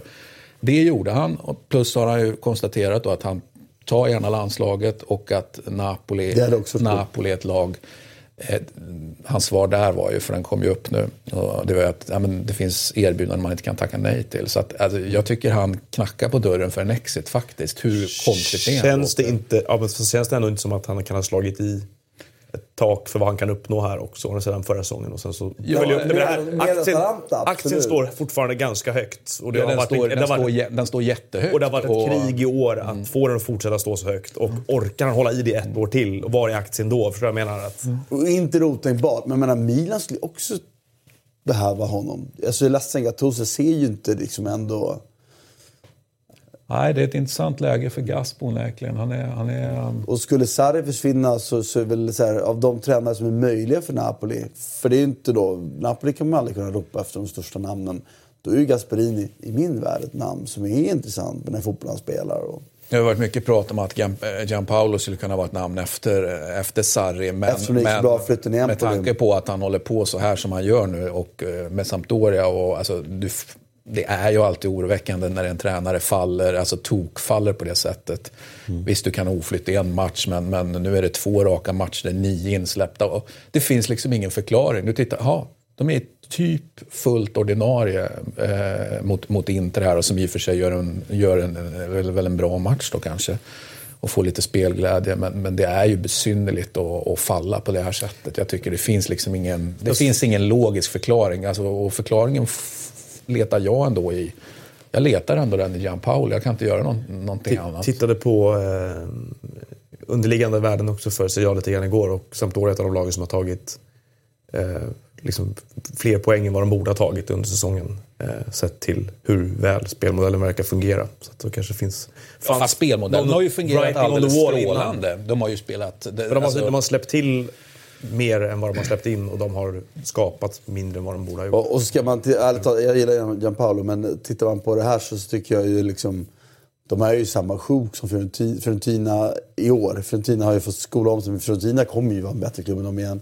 Torino och Udinese, de är ju... Alltså, ett typiskt mittenskikt. Ja, det, är ju, och det, det tycker jag är väldigt tydligt i Serie A nu. Vi har Lazio som lite av uppstickare där, men annars är väldigt tydligt indelat efter. Ganska förväntat, eller? Ja, men det säger jag absolut inte emot. Utan det, det ser väl... Så Bologna kanske då går lite bättre än man trodde och Genoa lite sämre. Men annars är det ju... Annars är det Atalanta som bryter. Atalanta, att de orkade efter de spelartapp att vara före dem där. Men att de är med i sjoket ska de ju vara. Och med dubbla Europaspelet. Det, det, det, är imponerande. Det måste man ändå och de säga. föll faktiskt med flaggan i topp mot uh, Dortmund. Liksom. Det var mm. ett övertidsmål som slog ut dem. Mm. Mm. Nog om det. Spanien. Ja, Spanien. Jag gör ditt jobb nu, Björn.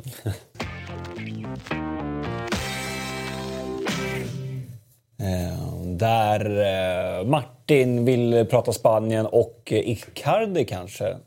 Nej, men jag tittade bara på att... att, att så här, för Icardi rykta, har ju ryktats gå till Real Madrid. Men, men så här, jag ser ju... Ronaldo är ju en, en ren och skär avslutare numera. Alltså det är ju nummer nio-spelare, utpräglad. Det är ju inte alls... Han, han rör sig ju... Neymar kommer väl gå till Real i sommar? Alltså det vore så roligt tycker jag. Eh, men, och då blir det bra. För jag tror med Neymar och Ronaldo, om man bortser från att det är klart att det finns en, en dispyt som jag inte kan uttala mig om för jag känner inte Ronaldo. Jag känner inte det. Men huruvida eh, liksom, statusen påverkar Ronaldo negativt. Men som spelartyp så borde Ronaldo gilla att spela med Neymar. För han kommer ju skapa chanser till Ronaldo. Det är det inget tvivel om. Liksom. Eh, och det är det Ronaldo... Jag är liksom lite mer förvånad över att man håller fast så hårt vid Benzema hela tiden. Det måste ju betyda att de lär väl släppa Bale i sommar också, känns det som. Ja, det ja. måste de göra eftersom han går sönder hela tiden. Ja. Eller eh, kommer Harry Kane plockas över? Ja, det är ju en annan spelare som, som den striker-typen. Men då, då tar han, det är ju Ronaldos roll lite grann i det här laget. Kan jag tycka. Vänder, man, vänder man på det så Real måste ju fråga sig, eh, okej, okay, vi har en snar framtid när Ronaldo inte är den bästa målskytten än så länge i världen. Mm. Eh, hur långt är kvar i det? För då måste de ha nästa, de kan ju alltid köpa den bästa, de har alltid den positionen. Men är det ett år till, ja, men då kanske det är värt att växla ut ett år tidigare, få bra betalt för Ronaldo och ta Icardi. Men eh, jag tror ju att Ronaldo som avslutare har eh, Många år till. Martin Ödegård. Mm, var är han någonstans? Twente? Heerenveen. Heerenveen ja. Han är ju inte slut heller. Folk dömer ut honom rätt hårt. Han född 98. Ja, är det så? Är han, ja, han är 98. Mm. Mm. Men det var bara en grej, för det pratas om Icardi, men jag ser, när jag ser Ronaldo spela så han löper i exakt samma ut som Icardi gör. Deltar exakt lika lite i spelet, nästan mindre än vad Icardi gör. Eh, och, och är då han är ju bättre än Icardi. Icardi är kanske en starkare huvudspelare, men vet fan om han ens är det. Alltså. Då är Ronaldo den bästa avslutaren i världen. Ronaldos historia ska ju snart jämföras med Gerd Müller, inte med, med Maradona. Och gjorde sitt femtionde hattrick, tror jag. Mm. Var det inte hundrade? Så där, där är han på väg ner. Ja, femtionde kanske. Mm. Ja. Där har han gjort ett lite lätt upphopp på väg ner. Ah, well. Nej, men det, det blir, eh, och, och, Real Madrid är ju bitvis alltså, fruktansvärt bra. Jag tycker Kovacic har tagit ett steg till också. Det är lite roligt att se. Mm. Men det är fortfarande tre mål bakåt mot Girona. Inget dåligt lag. Girona tvärtom är ett jättefint fotbollslag. Men... Sårbara är de ju också. Ja, jag menar det. är det lite kom in till. Det är liksom någonstans så... så eh, som sagt, jag letar just nu resor här med Rom, Rom och Barcelona den 10 april. Och sen så Real Madrid, Juventus 11 april. Det kan vara en fin kombo.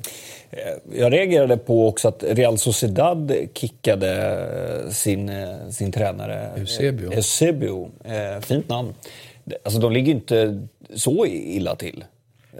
Men de är ju så jävla alltså, slagiga. De är ju verkligen... Ja. 33 poäng. Vadå, de Las Palmas på 21. De blev jättedåliga. De ska ju vara typ där Girona Betis Ja. Jo, och det var ju där de låg i början ja. kväll. Så ja. det var ju nedåtgående trend där. Verkligen. Men jag tänker läget att kicka nu. Säsongen är över. Ja. Kan man, ta, Då kan man ta in Mark Hughes i åtta matcher. Ja, exakt. Ja, men om, de, om, de, om de har bestämt sig för att de, de inte ska fortsätta med honom så är det väl klockrent. För menar, du har ju så pass många poäng ner så att de riskerar ju liksom inte att åka ur. Så att Nej. Det, det, tycker jag egentligen inte. Om de gör den analysen. Nu vet inte jag om någon jag tror inte någon ny tränare presenteras, men det, det blir intressant att se om det blir liksom en interimtränare eller om det är så här, här är vår nästa tränare. Då, tycker jag, då kan jag ja, förstå exakt. att jag man kickar. Men jag, jag, alltså är det inte, jag håller ju med dig Asbjörn, att, att, att ha 10 poäng upp till Europa, 12 poäng ner till åka ur och där inte är så himla mycket att spela för, eller knappt något. Så är det ju bara om man är ny tränare färdig eller om den gamla tränaren faktiskt var direkt superskadlig. Och det är svårt mm. att tro. Även om resultaten är dåliga så är det förmodligen ingen som förstör spelare. Men... De har ju som, de har ju som potential att realisera också. Man tycker att de borde göra ett initierat tränarval, det vill säga handplocka någon. De är ju en större klubb än till exempel Eibar. Det är väl alltså dra loss vars namn jag alltid glömmer bort. Men, de fick ju bra betalt också de, när de sålde äh, Martinez, Inigo, Inigo Martinez. Till äh, Bilbao. Så de, de, har ju pengar också. Ja. Kanske är så att han äh, går hänger läpp över att han inte fick Barca istället för Valverde skickar ut helt fel signaler. Den gode, ja. Eller skickade ut helt fel signaler, Eusebio. Mm. Jag vet. Ja, jag tänkte att vi ska prata lite franska ligan. Ja, men vi måste bara, för någonstans också, eh, Barcelona är ju klara nu. För det här var väl dödsstöten ändå? Ja, det måste Ja, med Atleticos... Uh, nu är det 11 poäng Nu, nu handlar det bara om att vara obesegrad eller inte, för mig. 11, matcher, 11, po 11 poäng och 9 matcher, då tycker jag ändå att då får man väl anse det nu får de ju se till att hålla undan och bli bäst i stan faktiskt, Atletico. Nu är det bara... Ja, exakt. Ju... Det tycker jag är lite roligt eftersom jag känner att Barcelona kommer vinna. Det är den duellen man vill ha. Det är derbyt som kommer upp i, mm. i en supermatch ser jag också. Jag tycker också det är en härlig period nu i, i mars. Ja. När man börjar se de här bilderna. Det är vår, ja. eh, planerna och sådär. Även nu börjar det ju likna någonting som kanske kan kallas vår här uppe också. Ja, men det är väl solen. Vi har haft 13, sol. 13 minus i natt, vad snackar du om? Jo, men vi har haft sol i fyra dagar. Ja, för det, var ju, det har varit sånt jävla Det ska vara plus mörker. fyra idag. Wow. Och sol. Shorts. Mm. Nästan. Jag sitter i t-shirt. Nej, men jag tycker i alla fall att det är, det är väldigt härligt när man ser tv-bilderna nu. Det är liksom, eh, folk på läktaren sitter inte i jackor och det är liksom... Det är öppet tak så att bengalernas rök ja, kommer ut. Dock var det ju stökigt i England. Det var sol, snö, regn, moln, sol. Ja. Som halva planen var snö, halva planen var sol. Men bara säga det med Barcelona fall så tycker jag ju att vi, vi liksom någonstans inte kan nonchalera det faktum att, att formen ändå inte är lika bra. Jag tycker inte att de imponerade mot eh, Chelsea. Och jag tycker att de är felval rent taktiskt. Nu mot Bilbao så var det väl läge att spela Dembélé på ena kanten och Coutinho på andra. Och de kunde, Busquets var, var skadad och man avstängde Suarez. Det kunde ju faktiskt chansa lite. Men eh, det är ju för mig obegripligt hur man går in i de här matcherna och inte förstår vikten av... Alltså jag, jag tycker nämligen att de fick eh, Chelsea-matchen till skänks. Å andra sidan, så de spelar inte speciellt bra mot Chelsea, men de vinner ändå med 3-0. Det kan ju tolkas som en styrka också. Om man tror att de steppar upp och förändrar. Ja. Absolut, och det säger jag fortfarande att det är det mest troliga. Men det går ju inte att blunda. Det måste ju nämnas att Barcelona, med lätt att säga det, Barcelona, de leder serien med 11 poäng och de slår ut Chelsea rätt, rätt komfortabelt siffermässigt. De har fått Roma i en lottning. Visst, nej, de skulle lätt kunna luta sig tillbaka nu och tänka Nej, lite, låta våren spela ut sig man själv. Kan, man kan inte blunda för det faktum att jag tycker att de spelar... Det är en av spelare som är, eller några i och för sig, som är bättre och bättre. Jag tycker att Rakitic har varit, förtjänar verkligen hur bra han har mått av struktur på tränarbänken på ett annat sätt. Att det är, Men kurvan har varit bra för Suarez också. Han har också haft en stiga Och han framförallt ja. är ju fant alltså, han är ju enastående. Grejer han gör i matcherna, varenda match. Man sitter och häpnar över den överlägsenhet han ändå har. Liksom. Och Coutinho var bra och Dembélé gör vissa bra grejer. Men jag kan inte släppa det faktum att när det verkligen brände till så vann man, men det kunde ha gått riktigt illa ja, i min ja. värld. Liksom. Ja, känns Emot ett lag man borde ha slagit komfortabelt, tycker jag. Mm. Det vill jag ha sagt till Barcelona. Kan vi prata Frankrike nu? Det kan vi mm. Ja. Eh, det var ju Marseille-Lyon och eh, det var ganska stökigt eh, efteråt. Som sig bör. Alltså ordentligt stökigt. Det, det är en situation där Rami eh, klipper till Marcelo. Eh, och här ser vi lite bilder efteråt. Det är alltså när eh, bollen är ur spel så klipper han ju till honom. Efteråt så tar Marcelo upp och visar sin, viftar sin tröja för honom. Och eh, jag tror att det är Ocampo som sen säger riktigt stökiga grejer. Eh, han säger saker om Marcelo, vad han ska göra med Marcelos mamma. Han säger att vi ska ses efteråt, du och jag. Och ni ser bilderna här efteråt. Det var ju liksom, det var ju på väg till att bli slagsmål. Alltså jag, vi har pratat om det tidigare. Så och även så här lugna spelare uttryckte sig Ja, kraftigt. Liksom. Men, men, jag tycker ju att, eh, vi har pratat om det tidigare, att, att det finns ju dåliga vinnare i värsta som finns ju. Mm. Och någonstans så... Leon har ju kört sån där Fekir också, du vet i derbyt, upp sin tröja mot bortaklacken. Och... Nej, jag, jag tycker det... det var väl... Eh, eller var det tvärtom? Var det Marseille-supportrarna som hängde en docka av Valbuena för två år sedan? Ja. I det här mötet också, när Valbuena hade gått mellan klubbarna. Han gick väl... Han var väl i Marseille och så gick han någonstans och så kom han tillbaka. Och det är ju, även om det fanns en historia där så, som eh, inte var bra så gör man ju såklart aldrig så. Men eh, det var ju en magisk fotbollsmatch på många sätt och vis. Och det är en härlig mm. inram. Det är ju en fantastisk fotbollsstad det där. Mm. Eh, och jag hoppas innerligt att, att eh, fransk fotboll, för det är ju lite trist att PSG söver, men det här är en av de, de här två klubbarna är de två ändå som, som behöver liksom, ta det lilla steget upp. Mm. Det här är alltså inte efter, som kommentatorn, den engelska kommentatorn pratade om att han... Det reagerade jag också på. Att han snabbt konstaterade att supporten har slängt något på honom. Sen ser man ju på reprisen, det är ju nicken som man... Med Rolando.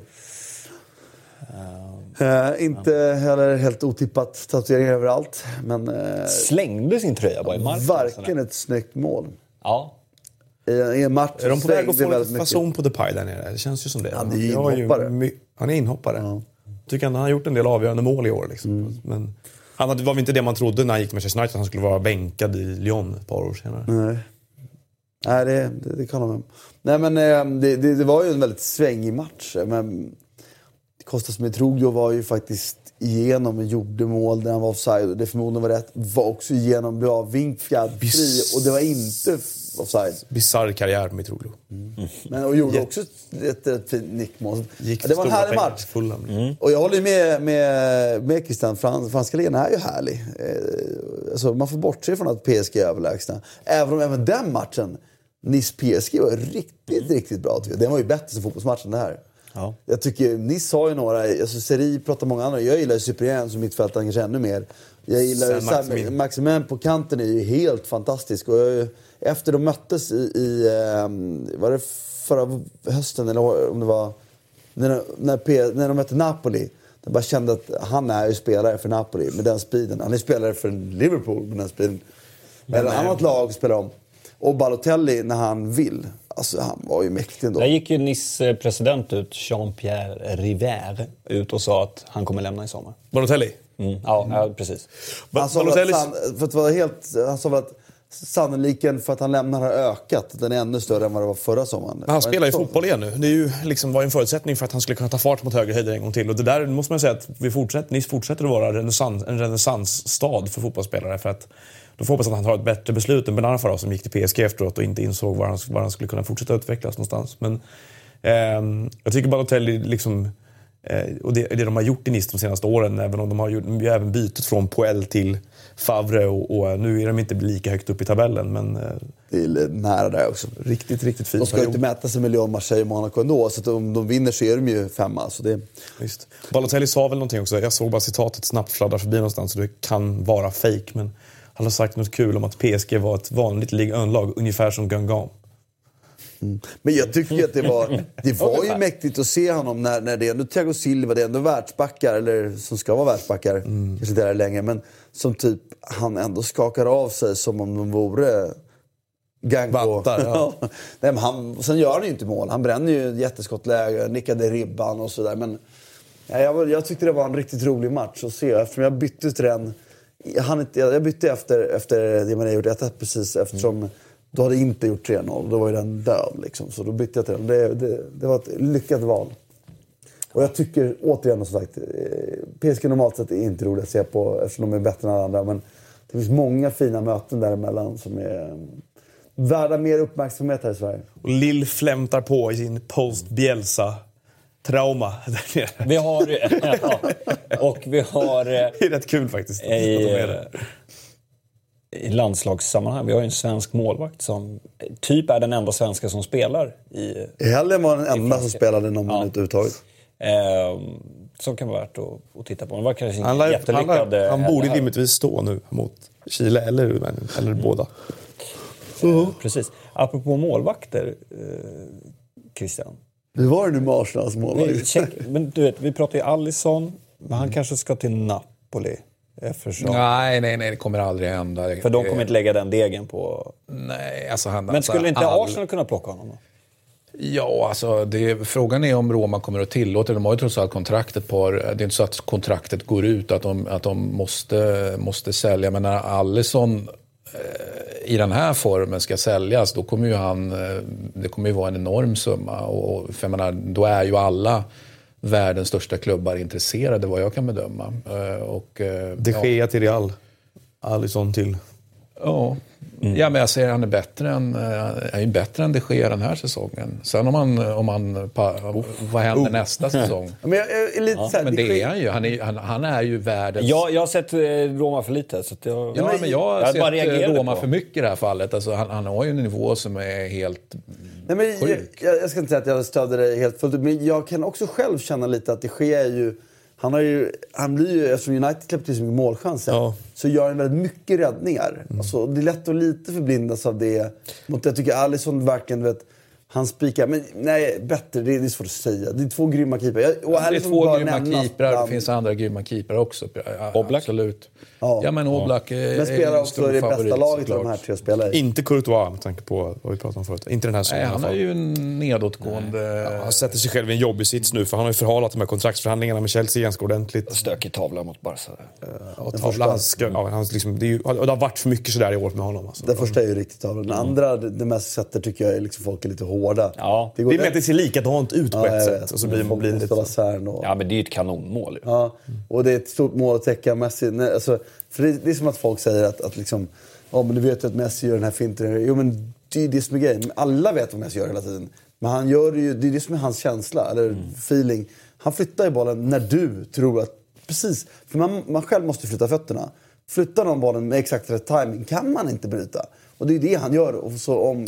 Var det AS eller Sport eller Marca som hade eh, första sidan dagen efter matchen då, med en bild bara på, alltså tagen inifrån målet när Courtois liksom bänder ut benen och man ser, man ser bollen på andra sidan benen och så står det bara Eurotunnel.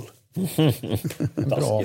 Det var ju någon som hade gjort en bild också, nya liksom, deras målvaktsställ som skulle vara liksom en klänning. Så Nej, just det. Taskigt. Ja, det kan han ha. Men du, han får asbest, de här långbyxorna. Ja, men fan, bring, du vet, skulle det hända, men det, ingen skulle bli gladare då än jag. Då åker vi dit, Christian. Ja, då, då kan jag tänka mig att åka till Emirates, ja. Mm. Om Alisson går till Arsenal. Mm. Men, det, men det, alltså, det, inte fan händer det. Nej. Alltså, Alisson stannar ett år till i, i, i Roma tror jag. Ja, Sen tror jag att det blir omöjligt att alltså, Roma har ju varit en säljande klubb och kanske kommer fortsätta vara det. Men de har framförallt varit det för att de har behövt, som du var inne på tidigare, eh, justera för Financial Fair Play. Eh, och för att de har haft en tidigare en väldigt trigger-happy sportchef. En skicklig sådan, men väldigt, alltså Sabatini. Men Roma kommer ju få ta del av den här Champions League-potten nu. Eh, och det drabbar också Juventus lite roligt tycker jag. För Juventus kommer ha mindre pengar för Champions League, även om de tar sig till final. Och vinner. För att de har varit ensamma i Italien med att få hela den här eh, liksom landspotten som kommer. Den får ju Roma ta del av. Så Roma har ju fått en jävla tillskott av pengar nu. Någon storklubb ska väl ta Dubravka också nu, som ju snabbt har seglat upp som en av kontinentens absolut bästa målvakter. Och det som känns mest självklart av de stora klubbarna det är väl att PSG ska byta keeper ändå. Allt, jag tycker alla andra de här eh, keeperna kan man diskutera om de verkligen ska någonstans. Alltså, ja, men Real så kanske det ser tillräckligt bra ut och Barca P- kanske PSG ser tillräckligt bra PSGs ut. fall blir det intressant, för där blir det sådär. Ska ska de göra, vad, ska de, vad behöver de liksom justera nu? Vad behöver de vrida på nu för att det ska bli lite bättre? Man hoppas att de ska bara, äh, vi lägger ner. Ja, men man kan Det är det jag de, vill de höra. har ju kört med ändå tre... Det funkade inte. Nej. Det borde finnas en deadline här grejer. och, Nu och, har och sen provat tysken och sex nu. Arialas. Det är alltså, Det som talar för att de behåller Arula är att han ändå är PSG-fostrad och liksom... jag det- gillar honom. Sen Ja, var ju bra i La tillräckligt Liga bra för PSG nu. Det är, eller, Nej. det, det, det, är- det är en bra fråga. Men jag kanske, jo, ska de lägga pengar, eller det kommer ju de lägga på andra delar, som blir ju... Jag kan fortfarande inte fatta att folk... Ja, jag hoppas ju att, att alla har rätt, att Neymar flyttar till Real Madrid. Men jag tror ju fortfarande inte på det. Nej, det går inte. Nej, inte redan nu. Jag tycker det är för stort nederlag. Liksom, att man skulle Det göra. skulle vara någon ofantlig summa som Real Madrid lägger upp då. Eller? Men om PSG lägger ner då? Ja, men det är det. Om de bestämmer sig för Men han att, kanske att känner att det här är ju bara att varför lägger ni inte ner? Jag lägger ner. Ja. Hej då. Han ska sluta med fotboll och sen fejkar han och kommer tillbaka. och det- comeback. Tror du att han kommer klara det då? Då lever ingen i hans familj. Det blir ju ändå intressant att se. Vi har ju trots allt i PSG en sportchef som bara har suttit en säsong på posten. Så jag menar, det, det går ju att argumentera för att det är under inkörning. Och, men vet hur han hanterar det här. Jag menar inte Man ska ju också säga att PSG har haft eh, otrolig oflyt med lottningarna eh, faktiskt också. Men här, man kan ju få lite som vissa andra lag har fått, typ Basel eller Porto. Men de har ju två rad fått eh, men två av titelfavoriterna fast de har vunnit sin grupp. Åkte de inte ut mot City förra, förra året? Förra året åkte de till Barcelona. Förra, förra mot City? Mm, det. När City var dåliga? Ja. Men det sitter ju inte dåligt. Men absolut, men de två sista åren har de haft Barcelona och Real Madrid. Det är ju de två åren de har haft riktigt bra lag tycker jag. Long may it continue. Och det är trots allt lite oflyt med lottningarna. Med bättre lottning hade de kunnat ha haft en semi och då hade nog liksom folk tyckt ah, semifinal, det är väl bra liksom. Det är också intressant att se att vi kan på allvar få Barcelona, Real Madrid och Bayern München i semifinal för, jag vet inte. Det låter 700 år året i rad. Det, är det, som blir, det är det som blir tråkigt med Champions League. Att det alltid är så. Jag tycker det är. Fast jag tycker också att det är roligt att de där lagen- är ju en, liksom... De är så det- bra, det de andra lagen. Så är det ju. Där finns De är inte inga, överlägsna. Det finns ju ingen genväg dit. Är du med? Inte- Det finns inte ens en, en, en, Pengapåse. en pengapåse på det sättet som kan ta PS som gör att de har en shortcut dit. Ja, Jag vill inte ha dem där heller, men jag vill ha lite större rörlighet bara. Att det alltid, alltså liksom 10-15 år i sträck så ser man samma sak. Liksom. Med- Och spelare och tränare som går runt mellan de tre klubbarna. Man har sett Ancelotti coacha dit Bayern, man har sett honom coacha dit Real Madrid, man har sett Robben spela för Chelsea och Barcelona, och, eller Chelsea och Real och, och Bayern och bla bla bla. Liksom. Det blir samma. Vet du vilken tränare? Det här är ett väldigt litet stickprov. Men jag gjorde ett stickprov eftersom vi var nu och såg i Paris. Åkte vi tunnelbana ut där. eh, Eurotunnel. med, med, med, så hamnade en massa spanjorer så pratade med dem som var Real Madrid-fans. De var kanske 15 stycken. Olika gäng. Så. De hade en tränare som de ville ha tillbaka. Ja, Carlo. Ja, det förvånar mig lite. Ancelotti var en Ja, man begriper att de inte vill ha kvar Mourinho, eller tillbaka Mourinho. Ja, ju- Den, den, eh, Ja. Men, Nej, men de, de var ju så lite, för frågan dök inte upp för att de ville ha bort Zidane, men frågan dök upp om de skulle åka ut. Liksom. För då skulle Zidane försvinna, det var de överens om. Eh, men vem de skulle ha istället då, det var så frågan kom. Då, så det var bara en parentes, men det förvånade mig lite att han hade så gott högt anseende där. För jag tycker inte att så bra gjorde han inte från sig. Liksom. Nej, nej, det känns ju lite grann, likväl som vi argumenterade för tidigare, att Mourinhos, alltså tiden har sprungit ifrån honom, så ställer vi oss också lite grann samma fråga om, om eh, Ancelotti. Eh, om, om det är så att tiden håller på att- rinna iväg. Så, ja. Det är ju gammal eh, äldsta. Ligga runt 50-strecket. då. Ja, Kanske. Eller 72. Några år på sig i alla fall. Snabba på nu. Ja, exakt. Ja, men härligt hörni. Det var allt vi hade för idag. Glöm nu inte att eh, påverka vilken match ni vill ha i Europatipset. Gå in och rösta där. Gör er röst hörd. Europatipset på Twitter. Bayern München förlorade mot Leipzig. Mm. Mm. Den släppte vi. Ja. Den släppte vi. Eller Hamburg. Förlorade igen. Ja. Wow. Nej, men nu är det fan... Nu är det rökt. Nu är det på riktigt. Mm. Mm. Tack gode gud. Får se om den här ja, klockan för stannar. dem också tror jag lite. Det behövs rensas helt enkelt. Ja, men jag, jag håller verkligen med. Sanera, självsanerande. Ja. ja det, I bästa fall. Det är det man tror. Och Werder fortsätter ha en bra vår, även om de inte just nu kanske vinner. Så det, är, det, är, mm, Så. det är smaligt. Inget nytt på Bundesliga-fronten. Mm. Nej. Kanske en Branimir Hirvotas börjar röra sig hitåt. Ja, han spelar inte alls längre.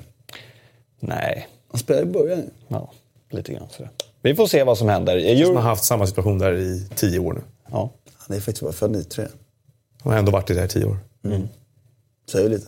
Mm, säger det. Alltid så här, fick spela lite. Missa inte Eurotalk Weekend på torsdag. Vi ses då. Tack och hej.